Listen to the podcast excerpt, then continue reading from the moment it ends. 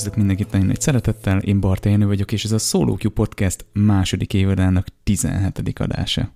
Na, most egy viszonylag rövid, annál érdekesebb epizóddal készültem, ugyanis most kilépünk kicsit a videójátékok világából, és a Combat Heroes White Warlordról és a Combat Heroes Black Baronról fogunk beszélni.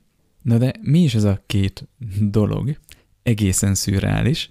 Ez két könyv, ami egy játékhoz tartozik, mégpedig ez egy kétfős fantasy PvP multiplayer FPS könyv, hát nem sorozat, hanem páros. Tehát még egyszer mondom, ez egy kétfős PvP játék, first person nézetben multiplayer, tehát egymással játszotok, és könyv formájában. Tehát a Combat Heroes White Warlord és a Black Baron az alkotó Joe Dever, Dever és azoknak a hallgatóknak, akik hát korombeliek nagyjából, tehát így a 30-as éveiket járják, azoknak ismerős lehet a kalandjáték kockázatkönyvek, vagy akár még régebbi motorosoknak ugye a, a külföldi amerikai változatok is akár, de maradjunk egy kicsit a kalandjáték kockázatnál. Ezek gyakorlatilag szerepjáték könyvek voltak. De nem úgy, hogy ugye, mint a, a most nem egyre népszerűbb asztali szerepjátékoknál, ugye leülünk, van egy mesélő, és akkor az meséli a történetet, mi meg reagálunk, és kockákkal dobálunk a harcba, vagy bizonyos eseményeknél, hanem úgy, hogy ezt egyedül is tudtad játszani. Tehát volt benne egy viszonylag lightweight szabály, tehát bonyik voltak, meg volt karakterlapod, mint egy szerepjátékban, de nem kellett hozzá mesélő. Na hogyan? Úgy, hogy kinyitottad az első oldalon, írt neked egy kontextus, és akkor megkér téged arra, hogy lapoz a nem tudom hanyadik oldalra, hogyha nem tudom jobbra mész, és lapozz erre az oldalra, ha balra mész. Tehát volt döntési lehetőséged minden egyes szituációban, és annak megfelelően tudtál lapozni bizonyos oldalakra a könyvbe, hogy éppen mit akartál csinálni egy adott szituba, és hogyha szörnyekkel kellett harcolnod, akkor azt meg magadnak elintézted a szabályok szerint, dobtál kockával, és hát meg is hallhattál, Nyilván ezekben a játékokban senki nem halt meg. nem tudom, ki volt az, aki azt csinálta, hogy, hogy hagyta, hogy legyőzze egy szörny, aztán meg ott, visszament a játék elejére ilyen roguelike módban. Nyilván voltak ilyenek, én, én sose hagytam, hogy megöljenek a szörnyek, mert tovább akartam menni, túl kíváncsi voltam gyerekként. Na de, ez egy érdekes koncepció, és ez volt a kalandjáték kockázat könyvek, és ha erre kíváncsi vagytok, akkor beírjátok Google-ba, hogy kalandjáték kockázat, és van egy weboldal, ahol ezeknek a könyveknek a, egy nagy részét meg lehet találni, és végül is lehet őket játszani, tehát be vannak szkennelve, zseniálisak, nagyon tudom ajánlani.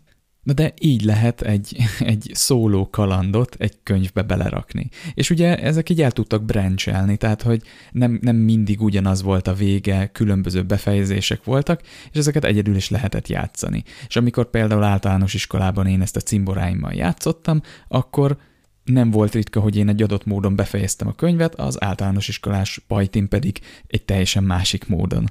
Na de térjünk vissza ehhez a kétfős fantasy PvP multiplayer FPS könyvhöz. Hogy lesz ebből multiplayer, hogy lesz ebből PvP? Hogy lehet ezt egyáltalán megvalósítani? Na most, ugye ahogy említettem, ez kettő könyv. Tehát a két játékos, aki játsza ezt a játékot, neki ugye ott van a White Warlord, a Warlord a jó, az az a jó karakter, vagy nem is tudom, hogy nevezzem, a herceg, meg van a Black Baron, van a fekete báró, ő egy ilyen gonosz figura, hát valamelyiket tudtad választani. Na és akkor ez, ezzel a két karakterrel egy-egy ilyen, fogalmazunk most már egy kalandjáték könyvvel egymás ellen kellett játszani. És ez a két könyv ugye nagyon szoros kapcsolatban volt, így oldalszámozásilag, és természetesen matematikailag. Na nézzük meg, ez hogy működött. Tehát az a lényeg, hogy ezek a könyvek elég vaskosak, és gyakorlatilag ez a PvP match egy dungeonben játszódik. Ez nem egy nagy dungeon, összesen 14 mező van, ahol mozoghatnak a karakterek, tehát ez egy ilyen, nagyjából egy ilyen 8-as leíró, középen egy-egy ilyen üres, vagy hát nem is üres, hanem egy ilyen nem bejárható kockával, tehát nagyjából egy ilyen 14 mezős 8-as leíró kis dungeonről van szó, de azért el lehet benne járkálni, és így keresgélni a másikat, mert majd látni fogjátok, nem olyan könnyű megtalálni a másikat, és hogyha egy, egy tapasztaltabb játékos ellen játszol, aki, aki el is tud bújni, az, az hát nem lesz egyszerű. Na de, tehát ebből látszik, tehát, hogy, hogy van egy dungeon, és ebben a, a könyvben mindig látsz egy illusztrációt, hogy éppen mit lát a karaktered. Tehát innen jön ez az FPS része. Tehát gyönyörű, hát szép ceruzás, fekete-fehér monokromba látod azt, hogy mit lát a karaktered. És nem feltétlenül kell az első oldaltól indulni, hanem több kezdőpontja lehet a, a, a két karakternek, tehát több, te más oldalakról is indulhatsz, egy másik pozíció a dungeonben. Na most, ahogy látod az illusztrációt, alatta vannak parancsok, mint hogyha csak egy user interface néznél, mozoghatsz, tehát ö, mehetsz jobbra-balra, foroghatsz, elbújhatsz, maradhatsz egy helyben. És természetesen harcolhatsz, de ez akkor van, hogyha látod a másikat. De, de hogy működik az, hogy ö, mozogtok. Hát, ha arról van szó, hogy mondjuk egy mozgást csinálsz, akkor nyilván a könyv ott a, a kis gomb alatt, mondjuk ez gombnak, user interface rész alatt, ad neked egy oldalszámot, hogy hova kell lapozz. Ez eddig egy sima kalandjáték kockázat, természetesen ez pariban van a, a dungeonnek a layoutjával, tehát hogy olyan oldalra lapozol, ahol egy olyan kép lesz majd, meg olyan lehetőségek, ahova éppen átmozogtál. Viszont ezt uh, a, az akcióthoz, amit éppen csinálsz, a megfelelő oldalszámot be kell kiabáljátok egymásnak a, a, ez ellenségeddel. Tehát aki ellen harcol szépen ebben a dungeonben. Na itt van egy csavar. Ha az ellenfeled olyat mond, ami így szerepel az akciód alatt, mint egy ilyen kis külön blogban, akkor ehhez a, a ő által bemondott oldalszámhoz tartozik neked is egy oldalszám. És akkor erre az oldalra kell lapoznod. Ezek exkluzívan olyan oldalak, amik egy adott a dungeon terében játszódó szituációhoz tartoznak. Tehát ez azt jelenti, hogy te mondjuk mozogtál egyet előre, ő meg éppen befordult egy sarkon, akkor a bekiabált oldala meg fog jelenni ott a te ö, akciód alatt, és ha erre az oldalra lapozol, akkor jön ki egy exkluzív vagy egy ilyen speciális oldal, ahol látni fogod a másikat. Tehát ez matematikailag, meg hát logikailag gyönyörűen össze van rakva, meg ebben a kis viszonylag egyszerű rendszerben, hogyha olyan helyre mozogtok, ahol látnátok egymást, akkor bizonyos speciális oldalakkal ez minden egyes szituációban fel van oldva. És hát innen tudjátok meg ezt, hogy bekiabáljátok, vagy hát mondjátok egymásnak nyilván. És nyilván, hogyha tehát a, a, a, mondjátok egymásnak a számot, és egyik őtöknek sem szerepel a, a, az oldalán, a másiknak a száma, vagy az akciója alatt, akkor arra az oldalra lapoztok, amit az akció eredendően mond, ilyenkor még keresitek egymást a dungeonben. Na most ez nagyon pörgős tud lenni, és nagyon izgi, és neked nem kell közölnöd a másikkal azt, hogy látod-e vagy sem, hanem farccal kell ülnöd, és lapozgatnod kell úgy, ahogy éppen ö, a, a szabályok mondják neked. Na ezek nagyjából a mozgásszabályok. Mondanom sem kell, hát ez egy viszonylag régi könyv, és hát annyira nem figyeltek még a zseniális UX szempontból, tehát nagyon jól játszható a játék, de azért nincsen feltétlenül visszafogva a komplexitása. Így például van egy karakterlapod, ami nem olyan durva, mint mondjuk egy, egy komplexebb szerepjátékban, de azért nem is egyszerű, valamint több fegyvered is van, és többféle fegyver használati lehetőséget tudod cserélni a fegyvereidet, és még vannak mellékes akciók is. És hát az a helyzet, hogy ez a, ez a játék ez nem csak arra való, hogy bementek ketten és harcoltok egyet, és hú de jó volt, hanem ez egy ennek a, ennek a játéknak van azért egy meta progressionje is, ami nagyon érdekes, amiről egy kicsit később fogunk majd beszélni, de az a lényeg, hogy ez arra van kitalálva, hogy több, sok, tényleg többet, és leginkább sok meccset játszatok egymás ellen, hiszen a karakterednek változnak a statjai, fejlődik a karaktered. És megint csak hozzátenném, könyvekről beszélünk. Fantasztikus.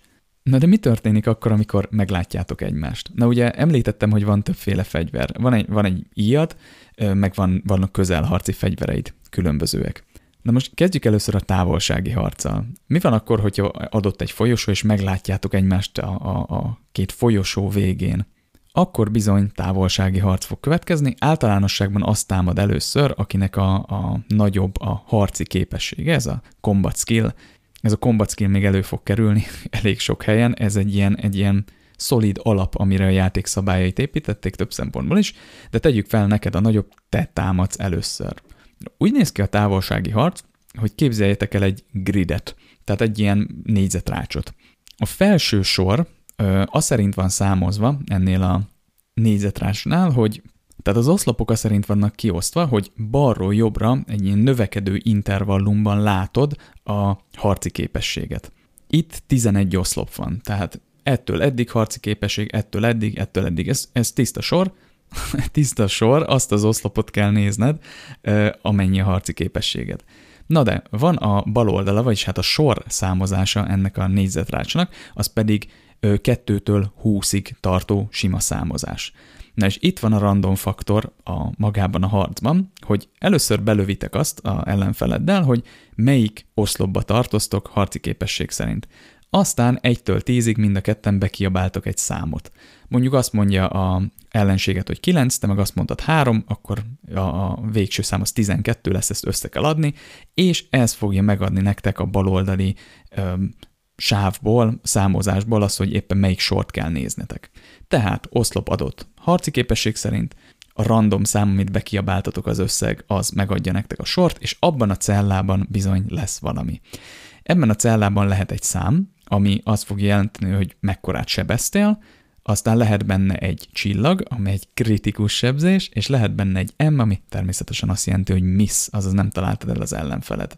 Na és ugye itt az az érdekes, hogy minél kevesebb a harci képességed, ugye akkor balra tolódik a, a táblázat, tehát ott kell bemondanod egy számot, és ott akkor egyre több az embetű, tehát egyre fakezű vagy, és nehezebben talál, vagy tapasztalatlanabb, és egyre nehezebben találod el az ellenfeled. A jobb oldal meg nyilván a csillagok és a nagy sebzéseknek a, a mezeje, ahogy egyre magasabb a harci képességed. És megint csak a harci képességre majd még visszatérünk.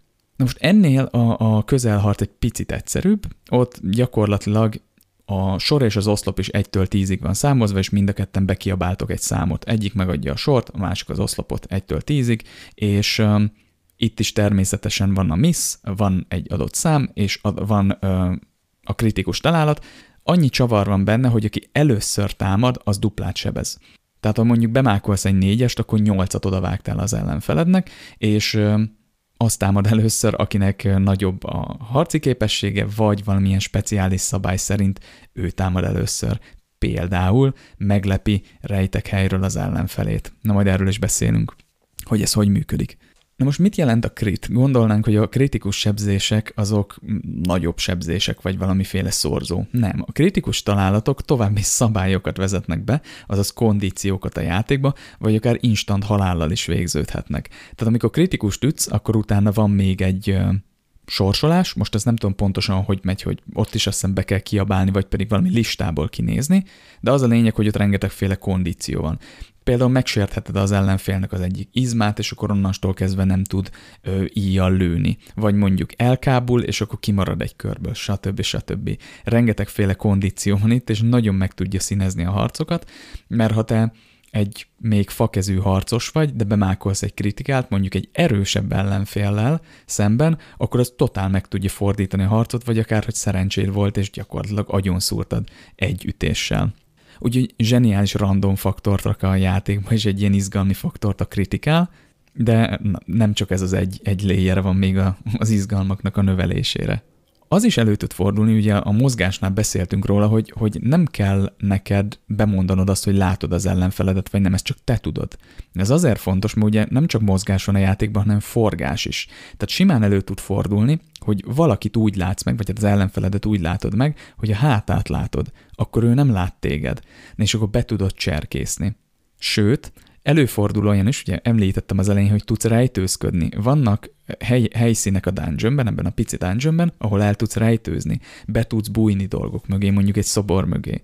És az is elő tud fordulni, hogy megérkezik az ellenfeled úgy szemből, hogy téged nem lát, mert rejtőzködsz, és meglepetésszerűen meg tudod támadni, de akár az is elő tud fordulni, hogy valaki súnyul éppen a szobor mögött, és nem lát maga mögé, tehát nem lát hátra, de te látod őt, és oda tudsz menni, be tudod cserkészni őt hátul, és, és be tudod támadni. Úgyhogy zseniális. Tehát a játékban van még egy ilyen stealth play is. Na most ugye említettem azt, hogy ezt többször kell játszani, és van a játékban egy meta progression. Ez úgy néz ki, hogy ha, tehát úgy találtak ki a játékot, hogy a karaktereitek nem feltétlenül halnak meg, hanem feladhatjátok. És annak megfelelően, hogy valaki hogy, meg mint győzedelmeskedik a játékban, meg milyen achievementeket ér el játék közben, annak megfelelően a harci képessége fejlődni fog. És a harci képességet fejlődésének megfelelően különböző titulosokat oldasz fel.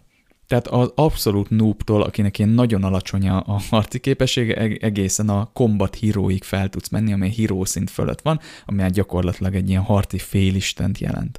Tehát többször kell egymás ellen játszani, és a te a kis könyvedben jegyzed magadnak, hogy milyen szinten van a karaktered. Tehát ebben az, tehát ez a könyv nem csupán egy, egy eszköztár ahhoz, hogy tud játszani, hanem a játék elején vagy a, a, a baront, vagy pedig ugye a knightot választod, vagy bocsánat, warlordot, és ez lesz a kezdő karaktered. Tehát, hogy, hogy a játék szabályai ugyanazok, nyilván máshogy vannak egy kicsit számozva, meg logikailag összerakva, de választasz egy karaktert, és a könyvedben lévő karakter fejlődik, és többször össze tudtok csapni.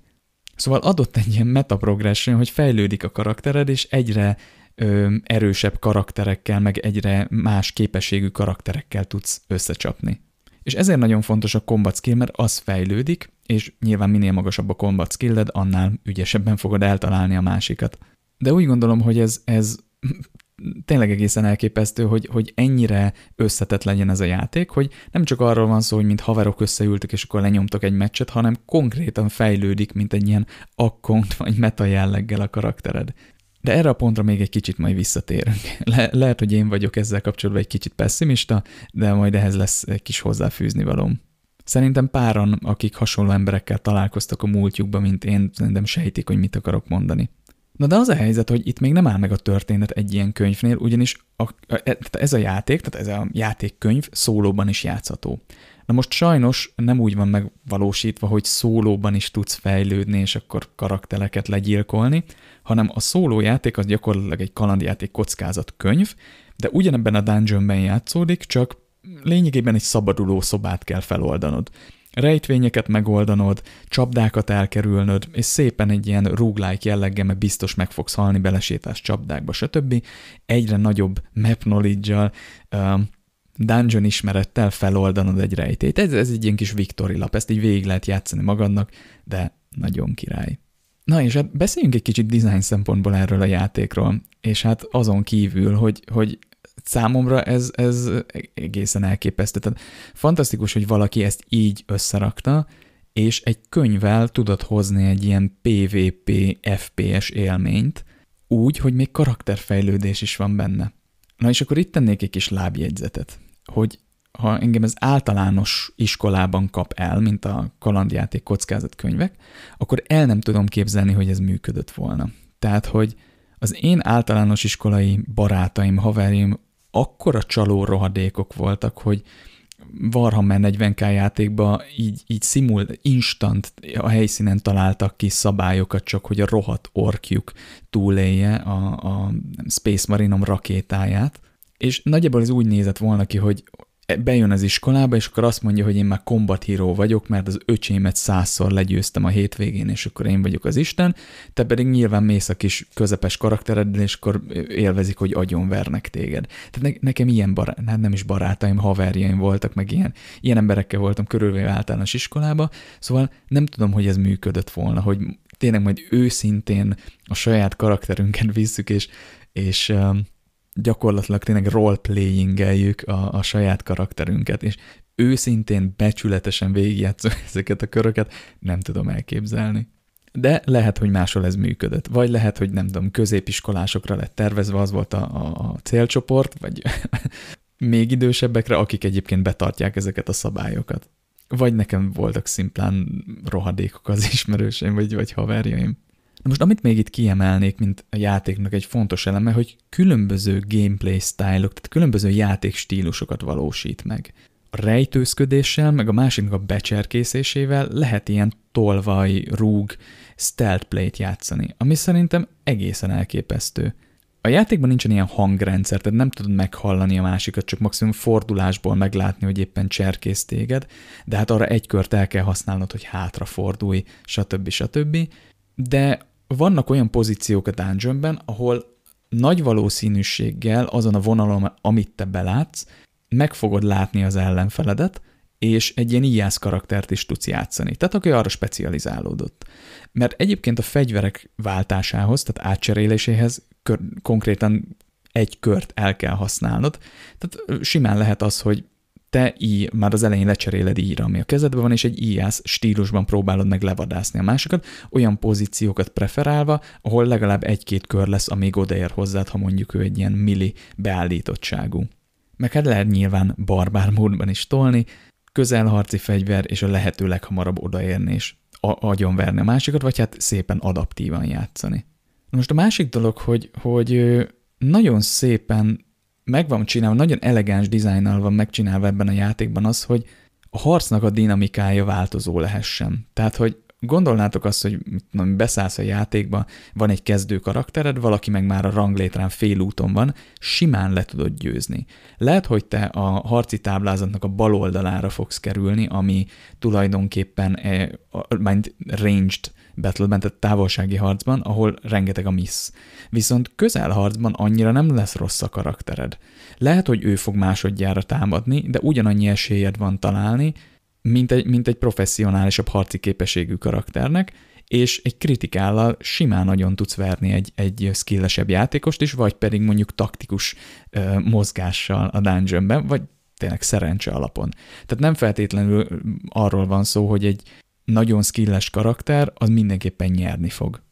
És ahogy említettem, nagyon, nagyon jól tud változni a harcnak a dinamikája, hogy mondjuk egy kritikus találattal valamiféle olyan ö, kondíciót bevezetsz, ami tényleg megfordítja az erőviszonyokat. És ezáltal, amíg eljutsz egy ilyen szintre, nagyon fontos döntéseket kell hoznod, és nagyon fontos taktikai döntéseket.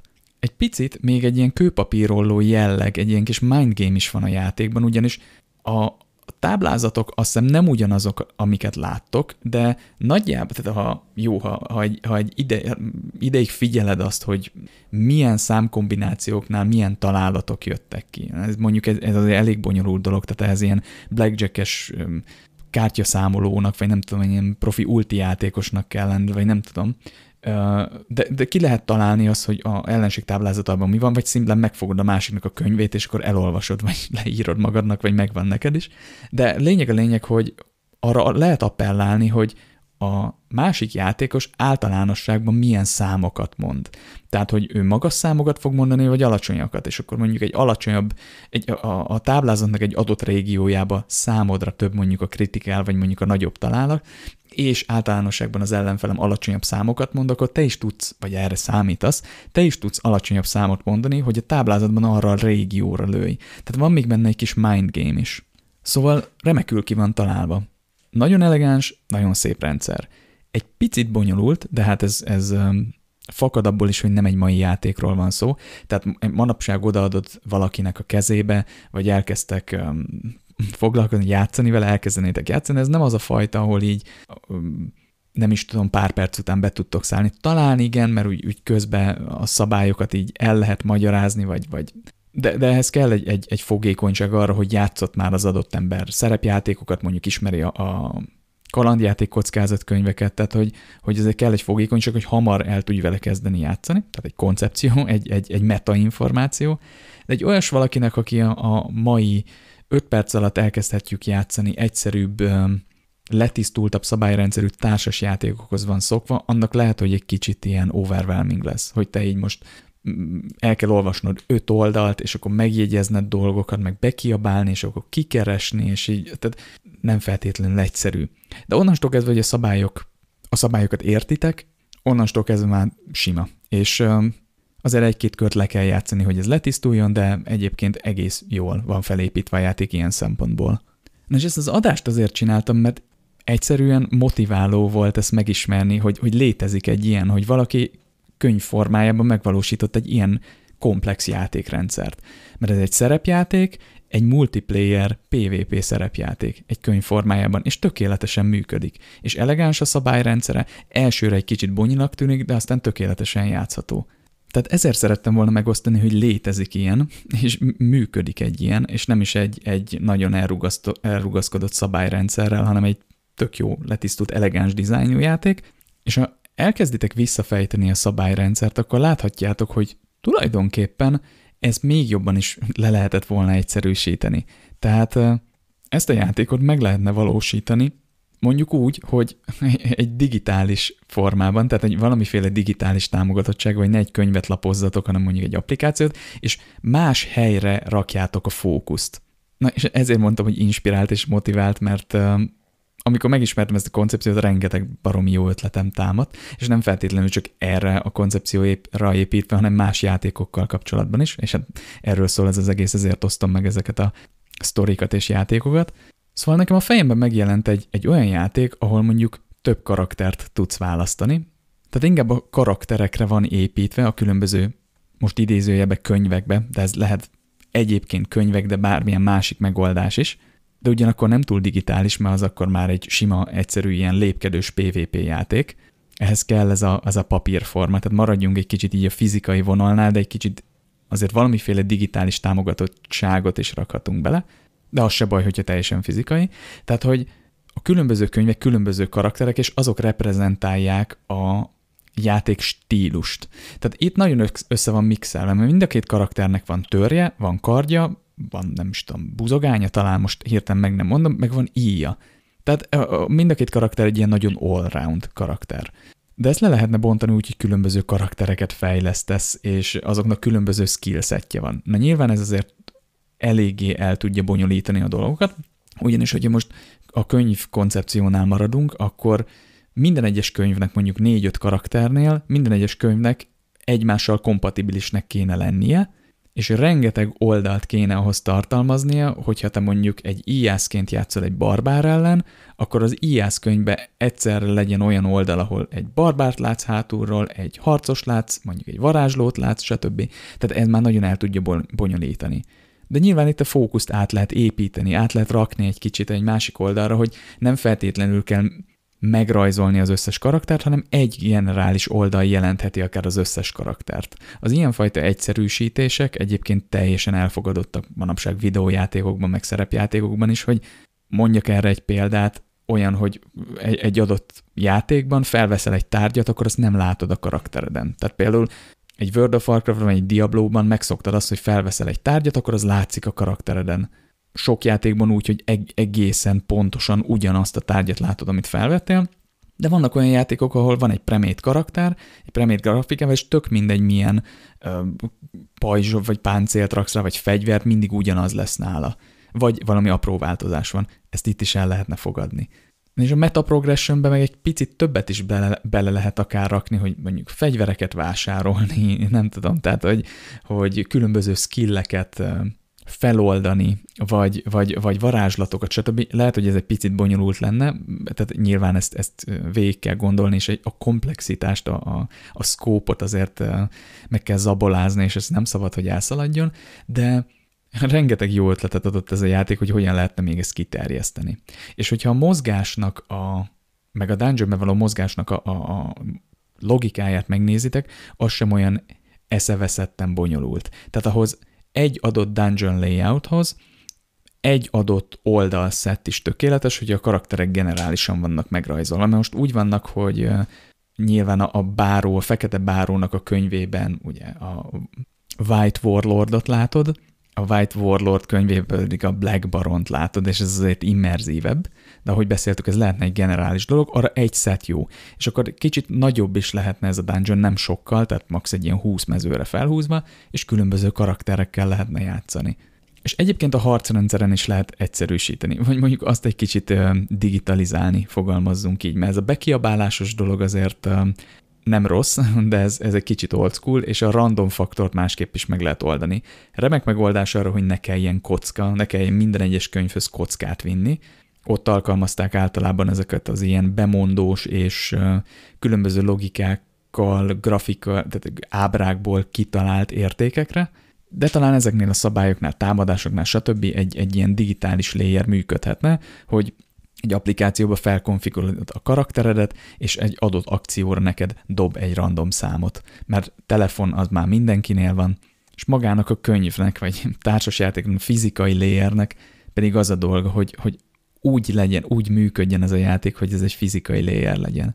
Tehát ezért mondom azt, hogy nem kell digitalizálni. Tehát a játékot digitalizálod, ez gyakorlatilag egy körökre osztott PvP karakterfejlesztős játék lesz, ami ott lesz majd a Steam bugyraiba, szóval könyvként ez egy nagyon érdekes koncepció. Na de, ez csak ilyen hangosan gondolkodás meg fikció, de gondoltam ezzel a kis brainstorminggal kis hangos gondolkozással reprezentálom azt, hogyha megismer az ember egy ilyen játékot, egy ilyen koncepciót, egy ilyen remekül megvalósított ötletet, és elkezd egy kicsit lebontani a, a logikákat, megismerni, hogy mi van mögött, meg hát természetesen játszani, akkor milyen jó ötleteket tud generálni, és, és amúgy hozzátesz az embernek a későbbi munkájához, meg gondolkozásához. Úgyhogy egy kis rövid részként most ezt hoztam nektek, ezzel a céllal.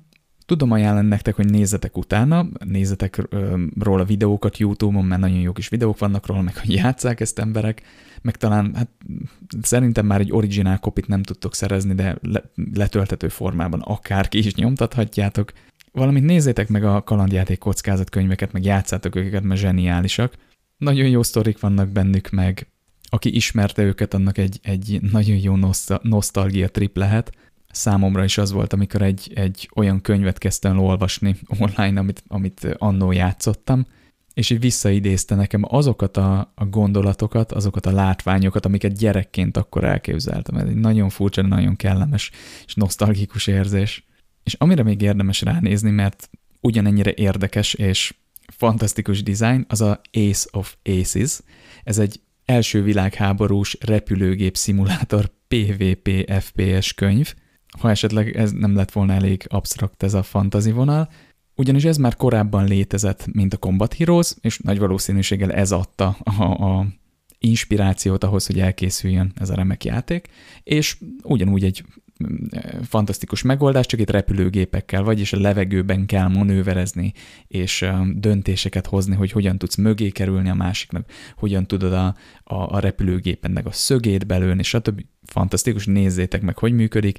Megint csak egy, egy egészen elképesztő PvP játékkönyv formájában megvalósítva.